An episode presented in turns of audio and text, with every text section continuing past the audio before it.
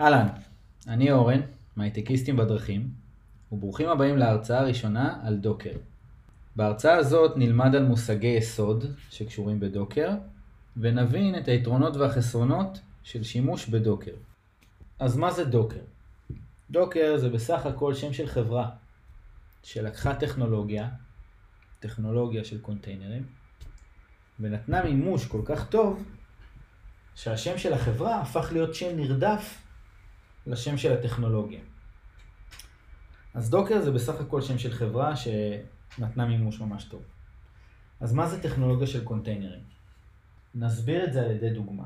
דוגמה שאני חושב שרוב המאזינים אה, מכירים ונתקלו בה.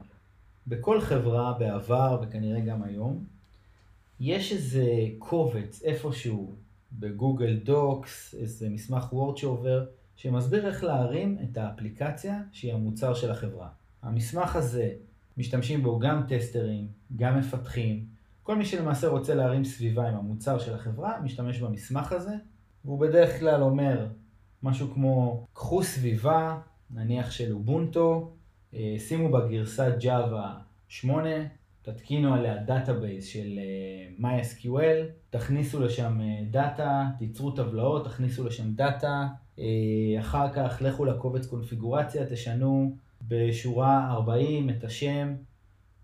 אני מניח שזה נשמע מוכר אה, לרוב מי ש, שמקשיב, וככה באמת היו אה, עובדים כדי ליצור איזה אחידות, או ליצור איזה דרך שבה כל מי שמעלה סביבה אה, של המוצר עם המוצר, עושה את זה באותה צורה, ולמה אנחנו רוצים את האחידות הזאת? כדי שכולם יעבדו באותה צורה, ואם יש באג, אם טסטר מצא עכשיו באג, והוא הולך למפתח, אז המפתח יגיד לו, אה, כן, הנה, אני, אני רואה באמת על מה אתה מדבר, או לא, הנה, אצלי זה עובד.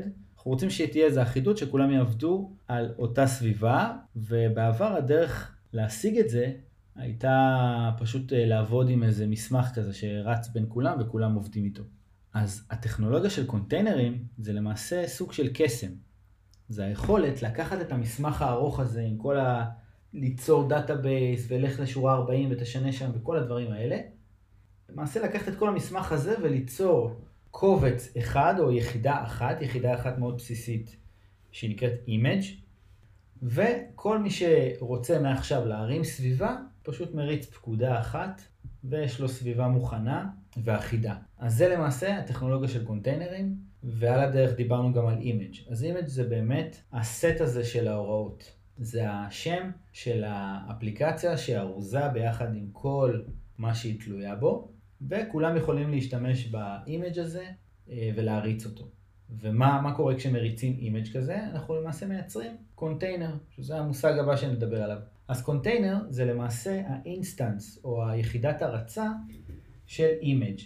אם image הוא מקביל למסמך הזה ב Google Docs שנותן לנו את כל הסט של ההוראות איך להרים סביבה, אז קונטיינר זה למעשה הסביבה הזאת, אחרי שהרצנו את ה image. אז image זה אה, סט של הוראות שהוא אה, למעשה read only, אנחנו לא יכולים לשנות שום דבר ב image אם אה, ארבעה אנשים הורידו אליהם את ה image אנחנו עוד מעט נדבר על מאיפה הם הורידו את ה image, אבל אם ארבעה מפתחים מחזיקים אצלם את ה image, הם לא יכולים לשנות שום דבר ב image, אבל הם כן יכולים להריץ אותו וליצור קונטיינר, שזה הרצה של ה image אצלהם, ואז אצלהם בסביבה הם יכולים כבר לשנות דברים, למשל להוסיף עוד טבלה ל database שנוצר, אה, סתם דוגמה. אז למעשה דיברנו פה על Docker, שזה שם של חברה שנתנה מימוש לטכנולוגיה של קונטיינרים. דיברנו על מה זה טכנולוגיה של קונטיינרים, זה למעשה לקחת את הקסם הזה, לקחת את ה... היכולת להימנע מרשימה ארוכה של הוראות ופשוט טאק, בבת אחת, להריץ פקודה ויש לנו את הסביבה מוכנה. image זה באמת הסט של ההוראות האלה שארוזות ביחד, וקונטיינר זה ההרצה של ה image. המושג הבא, Docker Hub. Docker Hub זה repository עולמי של אימג'ים של חברת Docker, שמאפשר לכל מי שרוצה להעלות אימג'ים אל ה repository הזה, או להוריד אימג'ים מה repository אליו ולמכונה שלו. אז Docker Hub זה למעשה ה repository הכי גדול והכי מפורסם והכי בשימוש, אבל יש גם repository אחרים של חברות אחרות.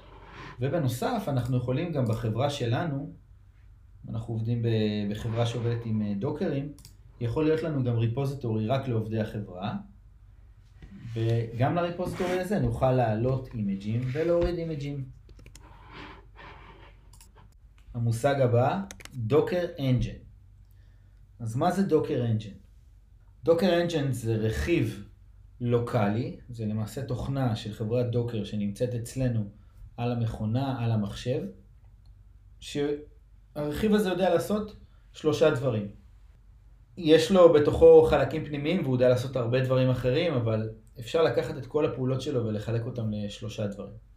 הדבר הראשון זה ליצור image. הוא יודע לקחת סט של הוראות, אנחנו נסביר, בינתיים אנחנו הכל ב-high level, אבל הוא יודע לקחת סט של הוראות וליצור מזה image.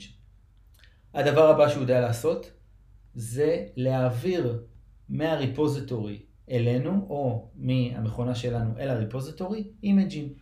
הוא יודע להוריד אימג'ים, הוא יודע להעלות אימג'ים.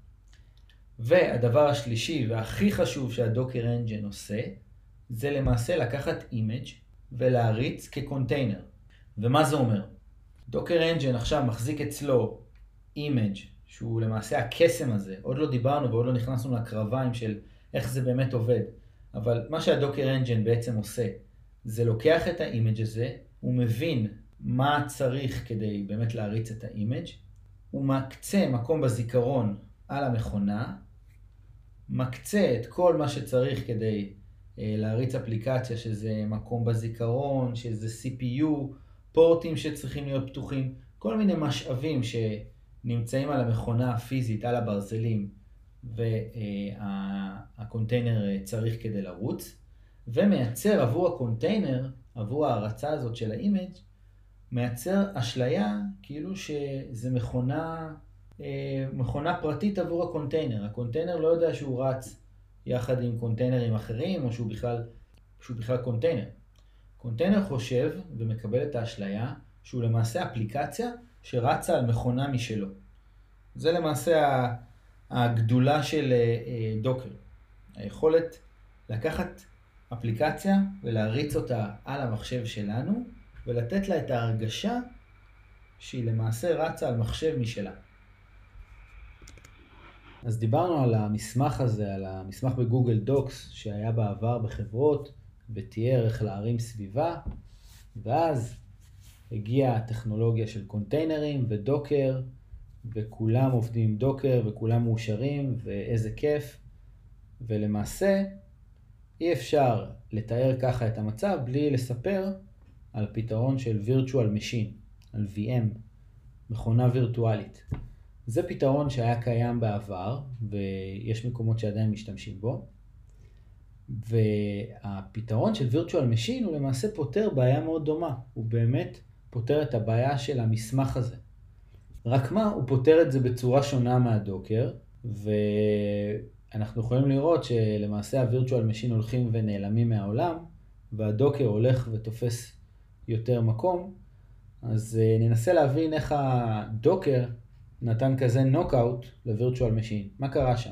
לא ניכנס אה, לכל הפרטים, כי זה באמת עולם ומלואו להשוות, עולם ומלואו להשוות בין virtual אה, machine ו Docker, אבל נתייחס להבדל הבאמת המהותי ביניהם ש, שעושה את ההבדל.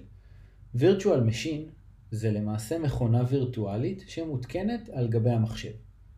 יש לנו מחשב עם מערכת הפעלה מסוימת, אנחנו יכולים על המחשב הזה להתקין כמה מחשבים וירטואליים, כמה VMים, שכל אחד יכול להיות עם מערכת הפעלה אחרת. ועל גבי כל אחד מהמערכות ההפעלה האחרות האלה, אפשר להתקין אפליקציות אחרות. אז זה נשמע טוב, זה נשמע שזה גם פותר את הבעיה. אז למה בעצם צריך את Docker? אז היתרון של Docker על ה virtual machine האלה, זה ש Docker הוא מאוד מאוד רזה ומשתמש בדיוק במה שהוא צריך. לעומת ה virtual machine שהוא למעשה מכונה וירטואלית, הוא ממש מכונה. אנחנו מרימים על גבי המכונה שלנו מערכת הפעלה שלמה שנותנת שירות לאפליקציה. עכשיו, יכול להיות שהאפליקציה היא ממש קטנה וצורכת אה, אה, מעט משאבים, וב Docker זה יתבטא בקונטיינר קטנצ'יק שלא לא לוקח שום, אה, כמעט שום משאבים אה, מהמחשב המארח, מה host. לעומת זאת, ב virtual machine, גם אם האפליקציה היא ממש קטנה, זה לא משנה, אנחנו נצטרך להרים בשבילה מערכת הפעלה שלמה, רק כדי שהיא תוכל לחיות שם, בתוך ה-VM הזה. אז היתרון של דוקר, שהוא ממש ממש קל, ובנוסף הוא ממש מהיר. אפשר בפקודה אחת להרים קונטיינר באוויר. וזה לא המצב עם VM, שלוקח יותר זמן להרים virtual machine על אה, מחשב. אז זה למעשה היתרונות והחסרונות של virtual machine על קונטיינר. אה, חשוב להזכיר את היתרון של אה, VM על Docker, שהוא למעשה מרים מערכת הפעלה שלמה, ולפעמים המצב הזה הוא, הוא נחוץ. למה אני מתכוון? הקונטיינר ש Docker מריץ, הוא רץ למעשה על ה kernel של המערכת הפעלה של המחשב המארח. אין לו מערכת הפעלה משלו. ומה שזה מצריך, שהמערכת הפעלה של המחשב שמארח את הקונטיינר, ידע לתמוך בקונטיינר.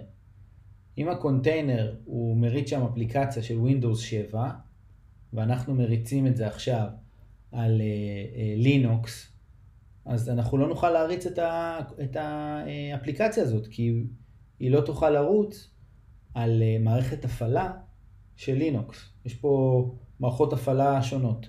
יש פתרונות של uh, אפליקציות uh, כמו דוקר for Mac ודוקר for Windows, שלא ניכנס לנושא הזה, אבל בעיקרון מה שהן מנסות לעשות זה לעשות איזה conversion ולעשות איזה התאמה של מערכות הפעלה, אבל נשאיר את זה ברמה הזאת ש-VM הוא למעשה מכונה וירטואלית, הוא למעשה מערכת הפעלה שלמה שתומכת באפליקציה שלנו, שלפעמים אין מה לעשות, זה מה שאנחנו צריכים, לעומת קונטיינר שמשתמש במערכת הפעלה של המארח שלו, של ה host.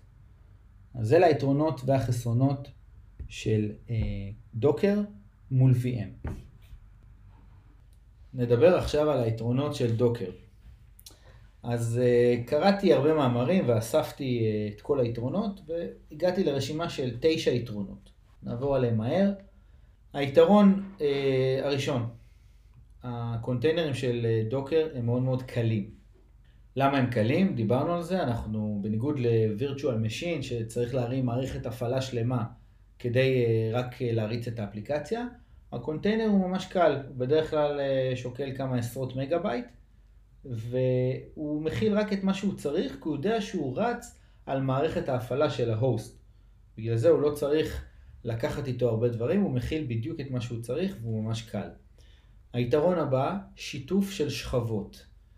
פה, כדי להבין את היתרון הזה, אנחנו צריכים להכיר יותר אה, מה זה image ועוד לא הגענו לזה, אבל נגיד בינתיים ש image הוא בנוי מהרבה שכבות. עכשיו, יכול להיות שיש איזה image מסוים, אה, שהוא מכיל נניח database מסוג MySQL, אז יכול להיות שיש לנו עשרה אימג'ים של עשר אפליקציות שונות, ולכולם יש שכבה של אה, MySQL database. אז ה Docker בנוי בצורה כזאת שה image הוא מכיל pointer לשכבה, והוא לא מכיל באמת את השכבה. ולמה זה חשוב?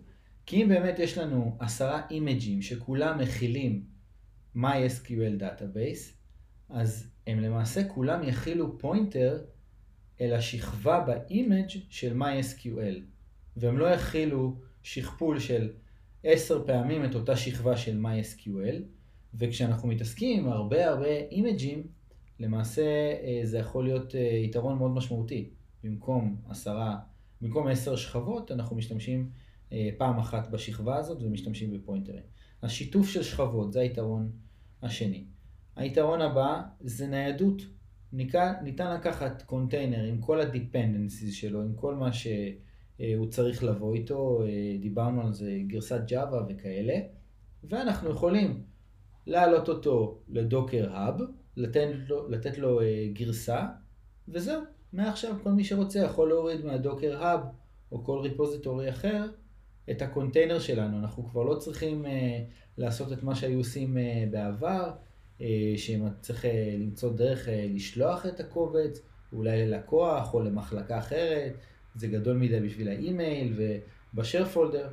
אז הדרך הזאת של פשוט להעלות אותו ל Docker Hub וכל מי שרוצה יכול לקחת אותו, זה יתרון, יתרון טוב וזה למעשה יתרון הניידות. היתרון הבא זה יתרון של predictability. היתרון אה, של זה שהקונטיינר הוא למעשה ההתנהגות שלו ניתנת לחיזוי.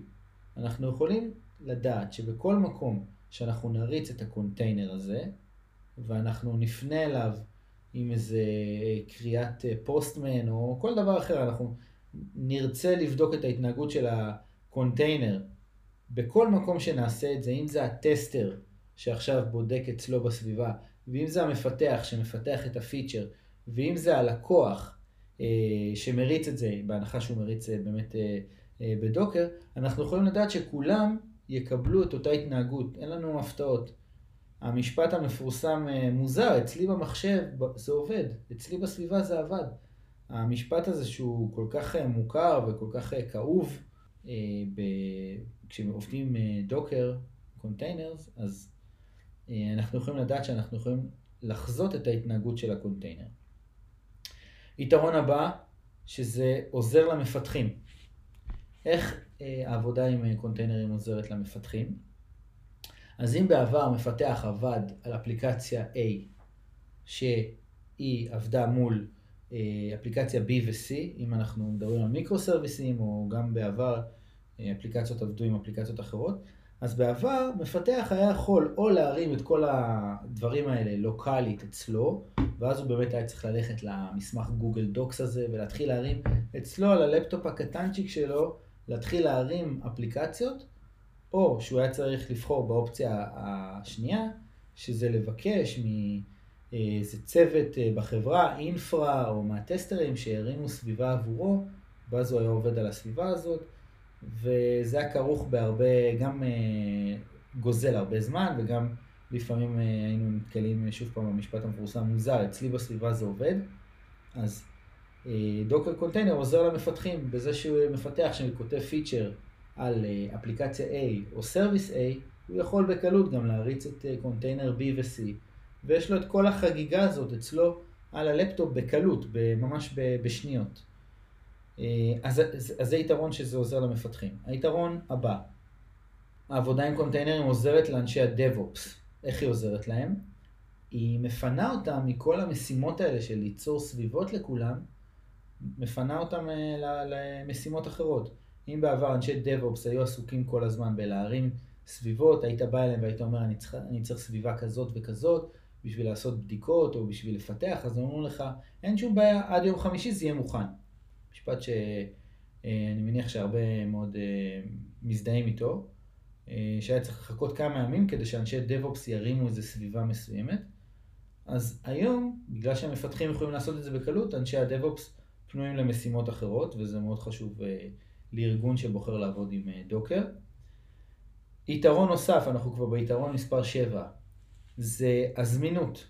בכל רגע שאנחנו נרצה image, אנחנו מיידית נוכל להוריד אותו. אם אנחנו עכשיו מפתחים איזו אפליקציה ואנחנו עובדים עם uh, uh, MySQL ואנחנו פתאום רוצים לעבוד עם איזו גרסה אחרת.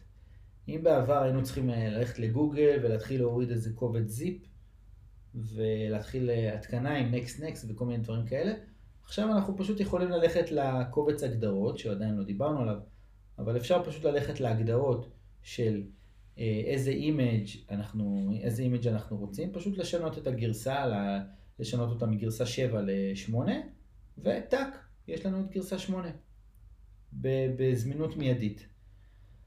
היתרון הבא, היתרון מספר 8, זה שהטכנולוגיה של דוקר היא עובדת, אה, היא טכנולוגיה של קוד פתוח. והמון המון מפתחים אה, מוצאים זמן כדי לתרום לקוד הזה, לשפר אותו, להוסיף לו פיצ'רים, זה תחום שהוא מאוד חם, וזה יתרון מאוד משמעותי לטכנולוגיה הזאת, שהיא כל הזמן מתפתחת ומשתפרת. והיתרון האחרון אה, ברשימה המפוארת הזאת, זה אה, שהוא מהיר ל-redeploy. מה הכוונה redeploy? אם בעבר נניח שכבר אנשי ה-DevOps התקינו לנו סביבה, או שאנחנו התקנו סביבה, עשינו את כל הפעולות שהיו כתובות בגוגל דוקס, ומשהו קרה. אנחנו לא יודעים מה עשינו, אבל כנראה שמחקנו איזה טבלה שהיה אסור לנו למחוק. או שעשינו איזה משהו, שינינו איזה קובץ קונפיגורציה שלא היינו צריכים למחוק, ועכשיו הסביבה הזאת מבחינתנו corrupted. אנחנו לא רוצים להמשיך לבדוק, לבדוק את האפליקציה או לפתח את האפליקציה על הסביבה הזאת, אנחנו רוצים סביבה חדשה. אז באותו אופן, אם בעבר היינו צריכים אה, לפתוח קריאה נוספת לאנשי ה-DevOps, או שבעצמנו היינו צריכים עכשיו למחוק הכל ולהתחיל לבצע את כל השורה של הפקודות האלה, אנחנו יכולים אה, תוך ממש כמה שניות, וזה באמת כמה שניות, אה, ליצור לנו סביבה חדשה. אז אלו למעשה תשע היתרונות של אה, הטכנולוגיה של דוקר שאני מצאתי, אני בטוח שיש עוד, או שיכול להיות שחלק מהם הם משוכפלים ואני פשוט ראיתי אותם כיתרונות שונים. ועכשיו, שדיברנו על דוקר ופיארנו אותו, ואנחנו מתלהבים מאוד מהטכנולוגיה הזאת, נדבר על החסרונות של דוקר. אז החסרונות של דוקר, בעצם יש תשע חסרונות ולא שלוש. נתחיל לעבור על החסרונות. אז החיסרון הראשון, והוא למעשה באמת אה, חיסרון שהוא הכי, הכי חשוב אה, בהקשר של Docker, ודיברנו עליו, אה, זה שהוא לא נותן תמיכה מלאה במערכות הפעלה שהן לא לינוקס. מה הכוונה? דיברנו על זה ש Docker container רץ על מערכת ההפעלה של ה host. אין לו מערכת הפעלה משלו, כמו ה-Virtual Machine. ולכן, אם יש לנו אפליקציה שהיא לא רצה על לינוקס, אז יש פה בעיה. חשוב לציין שיש אה, אה, אפליקציות כמו Docker for Windows ו-Docker for Mac, שהן כביכול מאפשרות לעבוד, אה, להריץ דוקר על Windows או על Mac. מהניסיון שלי על Mac זה עובד טוב ועל Windows זה פשוט סיוט, לא עובד תקלות ובעיות. אבל uh, זה אפשרי עבור Windows uh, 10 ומעלה ועבור גרסה מסוימת של Mac שאני לא זוכר אותה כרגע. יש תמיכה, אפשר, אפשר לסכם את החיסרון הזה כתמיכה לא מלאה במערכות הפעלה שהן לא לינוקס. כדי, ל, כדי לרדת לדקויות צריך uh, לעשות קצת מחקר uh, לגבי האפליקציה הספציפית שאתם רוצים להריץ ולראות אם זה אפשרי. אבל uh, בעיקרון אם אתם לא עובדים עם לינוקס, האפליקציה שלכם לא רצה על לינוקס או לא על ג'אווה, אז כדאי לעשות מחקר על העניין הזה. אז זה החיסרון הבאמת העיקרי של דוקר. חיסרון הבא זה החיסרון של עקומת הלמידה. וזה חיסרון יותר uh, למנהלי פיתוח או ל-VPRND או למנכ"לים, uh, שבאמת uh, כשהם מסתכלים על הטכנולוגיה הזאת של דוקר ורואים את כל.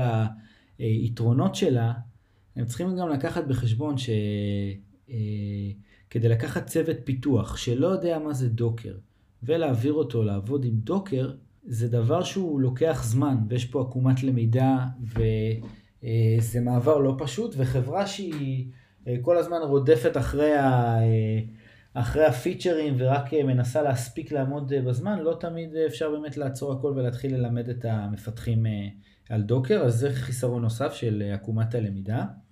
אה, חיסרון הבא זה החיסרון, הנושא של אבטחה. אה, ובאמת כשהרכבתי את הרשימה של היתרונות והחסרונות, אז נכנסתי להרבה מאמרים שמדברים על הנושא של אבטחה בדוקר. הטיעון שמדבר על זה שיש פה בעיית אבטחה זה הטיעון שאומר שב-VM, ב-Virtual Machine, האפליקציות, כל אפליקציה היא נמצאת על מערכת הפעלה שונה. זאת אומרת, יש הפרדה ברמת מערכת ההפעלה בין אפליקציות שונות. לעומת אה, קונטיינרים של דוקר, שהם כולם נמצאים על אותה מערכת הפעלה. ככה שאם אה, האקר הצליח לפגוע אה, באפליקציה אחת, בקונטיינר אחד, הוא למעשה יכול דרך השכבה של מערכת ההפעלה להגיע לקונטיינרים אחרים. זה הטיעון ויש, אה, זה נושא מאוד מורכב עם הרבה ויכוחים. מאמרים, אבל בואו נכיר את זה שיש פה איזו סוגיה של אבטחה, שאם אנחנו באמת בתחום שהאבטחה היא מאוד, אה, אה, זה נושא שהוא מאוד חשוב בו, אז חשוב להכיר את זה, שלדוקר יש איזה רפיוטיישן כזה של בעיה מבחינת אבטחה. החיסרון הבא, אנחנו כבר בחיסרון 4, זה התחייבות לסוג אחד של קונטיינרים. ומה הכוונה? דיברנו על זה שדוקר נותן תמיכה מלאה רק ללינוקס, ועם Mac ווינדוס וגם מערכות הפעלה אחרות, יש פתרונות אבל הם מאוד חלקיים. אז גם כשאנחנו אה, אה, עובדים לפי הפתרון החלקי הזה, כלומר, אם עכשיו אנחנו עובדים על מחשב אה, מסוג Windows, ואנחנו רוצים להריץ קונטיינר שהוא במקור נכתב ללינוקס ועכשיו הוא עובד, ל... עכשיו אנחנו מריצים אותו על Windows, אז אם אנחנו משתמשים בפתרון הזה של Docker for Windows ועושים איזו המרה כזאת, אנחנו צריכים לעשות את אותה המרה על כל הקונטיינרים שרצים על Windows. מה שאומר שאנחנו לא יכולים להריץ חלק מהקונטיינרים על לינוקס וחלק על Windows. אז אנחנו צריכים, גם כשאנחנו עובדים עם הפתרון הזה של Docker for Windows או Docker for Mac, אנחנו צריכים, יש לנו איזה סוג של התחייבות לסוג אחד של קונטיינרים, שזה מגבלה. החיסרון הבא, אנחנו בחיסרון מספר 5, זה חיסרון של ניהול כמות גדולה של קונטיינרים. אם אנחנו עכשיו מריצים קונטיינר אחד של האפליקציה שלנו ועוד קונטיינר אחר של database ועוד קונטיינר של, אה, לא יודע, עוד איזה רכיב נוסף שהוא חשוב מאוד לאפליקציה הזאת. הרמנו שלושה קונטיינרים, אז Docker נותן לנו פתרון מאוד נחמד וקל ונוח. אבל כשאנחנו מגיעים לכמות מאוד גדולה, ו- וזה קורה לפעמים, שאנחנו צריכים כבר להריץ עשרות ואולי יותר של קונטיינרים, הפתרון של Docker הוא כבר פתרון אה, לא כל כך נוח, קשה לנהל את כל הדוקרים האלה כשמדובר בכמות אה, גדולה, אבל לא צריך להתרגש מהחיסרון הזה של אה, Docker, כי בשביל זה יש את הפתרון של Kubernetes, ש Kubernetes זה למעשה מוצר שמנהל קונטיינרים של Docker. אנחנו, כנראה שבהייטקיסטים בדרכים תהיה, יהיה קורס על Kubernetes, אז אנחנו נדבר על זה. אבל כשאנחנו מסתכלים על Docker כפתרון בפני עצמו, צריך להזכיר שיש לו חיסרון. הוא לא יודע לנהל כמות גדולה של קונטיינרים, והוא באמת צריך את ה Kubernetes כדי שיעזור לו עם זה. אנחנו בחיסרון מספר 6. Uh, אה, החיסרון הזה, אני הגדרתי אותו כחברות עם IT קשוח. ולמה הכוונה? כדי להריץ קונטיינר, אנחנו צריכים root credentials. root credentials זה למעשה... user שיש לו הרשאות של root, הרשאות אה, שהן אה, אה, הרשאות ברמה גבוהה, שמאפשרות לו באמת לקבל שליטה על המחשב. ובחברות קפדניות, חברות Fortune 500, חברות גדולות עם, עם מחלקת IT קשוחה, הם לא כל כך מתלהבים לתת לקונטיינר את ההרשאות האלה. בנוסף, אה, יש חברות שהן אה, מוכנות רק אה, להוריד אימג'ים של, של חברות מוכרות. זאת אומרת, בתוך Docker Hub יש אימג'ים שהם נחשבים official ואימג'ים שהם non official. אז חברה שהיא עם IT שמכבד את עצמו, לא תסכים להשתמש ב Docker image, להוריד Docker image שהוא לא של חברה רשמית שקיבלה באמת הכרה רשמית והגרסה ה image שלה הוא נחשב אה, בטוח. אז אה, יכול להיות שדיברנו על הסעיף של אבטחה, יכול להיות שבאמת אה, אין באמת בעיית אבטחה ב Docker, או שהיא נפתרה, או שהיא לא רלוונטית אלינו, אבל גם אם אין באמת בעיה טכנית, טכנולוגית, של לעבוד עם טכנולוגיית Docker, עצם העובדה שאנחנו, יהיה לנו קשה ל, לגרום לחברה להריץ את ה image שלנו, את המוצר שלנו אצלה, בגלל שהמחלקת IT תעשה לנו בעיות, זה גם נחשב חיסרון של Docker. נמשיך הלאה, אנחנו בחיסרון מספר 7. אה, החיסרון הזה, אני מגדיר אותו כמהירות, ולמעשה החיסרון הזה מדבר על זה שכשאנחנו מריצים קונטיינר, אנחנו לא באמת מריצים אותו על הברזלים. אם אנחנו ניקח, נתקין עכשיו אה, database של MySQL, נלך אה, לגוגל, נוריד קובץ zip, נעשה את ה-next, next, next, ובסוף נתקין את ה database הזה אצלנו על המחשב, ולעומת זאת נריץ קונטיינר, uh, נריץ image של MySQL ונריץ uh, בעזרת ה image קונטיינר של MySQL, ואם אנחנו נשווה את הביצועים של ההתקנה הזאת, שבאמת יושבת לנו על הברזלים של המחשב, לעומת ההתקנה של הקונטיינר, יהיו הבדלים אה, מאוד מזעריים במהירות, אבל יהיו. כי אין מה לעשות, הקונטיינר, הוא, יש לו איזה overhead מסוים שהוא אה, רץ על ה... הוא רץ על אה, שכבה מסוימת שמנהלת אותו, על ה Docker engine, לעומת האפליקציה שבאמת אה, הורדנו והתקנו. אז יש איזה overhead, אני לא יודע להגיד אותו באחוזים, אבל ממש אחוזים בודדים של אה, מהירות האפליקציה. אז בוא נגיד שאת מערכת כיפת ברזל כנראה שאנחנו לא נריץ בקונטיינר, אם אנחנו צריכים משהו שבאמת רץ מהר, אבל, אבל ברוב המקרים אה, כשאנחנו עובדים עם, אה, עם אפליקציות, אה, ה overhead הזה הוא ממש זניח. חשוב להכיר שזה חיסרון של Docker. אנחנו בחיסרון השמיני, וזה חיסרון, עכשיו שאני רואה ששמתי אותו במקום השמיני, אני קצת מתחרט, כי יכול להיות שהוא היה צריך להיות יותר למעלה במיקום, כי הוא באמת חיסרון משמעותי, וזה החיסרון של שמירה של state עבור הקונטיינר. מה הכוונה state? דיברנו על זה ש image הוא אה, read only, אי אפשר באמת לשנות אותו, אם uh, הרבה מפתחים או הרבה, הרבה אנשים ייקחו את אותו image, יהיה להם את אותו image ביד והם לא יוכלו לשנות אותו, אבל לעומת זאת כשהם יריצו קונטיינר ממנו, אז באמת, הם יכולים כבר להתחיל לכתוב ל database שלו, הם יכולים לשנות, uh, לעבוד עם ה-API, ואז למעשה לקונטיינר הזה נוצר state מסוים. אז הנושא של שמירה על ה-state, שמירה על המצב של ה file system למשל, של הקונטיינר, אה, הוא נושא בעייתי. יש פתרונות, ובאמת כשהקונטיינר ירד למטה, אז יש אפשרות אה, לשמור את המידע על משהו שנקרא volume. אה, אנחנו נדבר על זה בהרצאה הזאת, אנחנו ניכנס לזה ב zoom in וממש נבין מה זה volume. אז יש אפשרות באמת לשמור state של קונטיינר, אבל זה נושא tricky, לא פשוט, לא תמיד עובד, ואפשר להגיד שזה חיסרון של... של Docker, לעומת באמת שיהיה לנו את האפליקציה אצלנו, ויהיה לה state אה, קבוע. והגענו לחיסרון האחרון, שהוא רלוונטי לקונטיינרים שמריצים אפליקציה עם UI. אפליקציה שרצה עם UI, קונטיינר של אפליקציה שמכיל UI, אה, זה בעייתי להריץ אותו בתור קונטיינר ולעבוד עם ה-UI שלו. אפשרי, אבל אה, עדיף שלא, אם זה אפליקציה שכוללת אה, UI.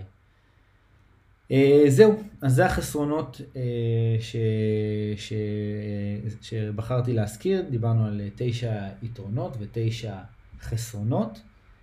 למעשה סיימנו את ההרצאה להיום, אה, ובהרצאה הבאה אנחנו נדבר על אה, מה זה image, דיברנו על זה היום, אבל אנחנו באמת ניכנס ב-zoom in מאוד רציני על אה, מה זה image. ונלמד את הנושא. אז נתראה בהרצאה הבאה.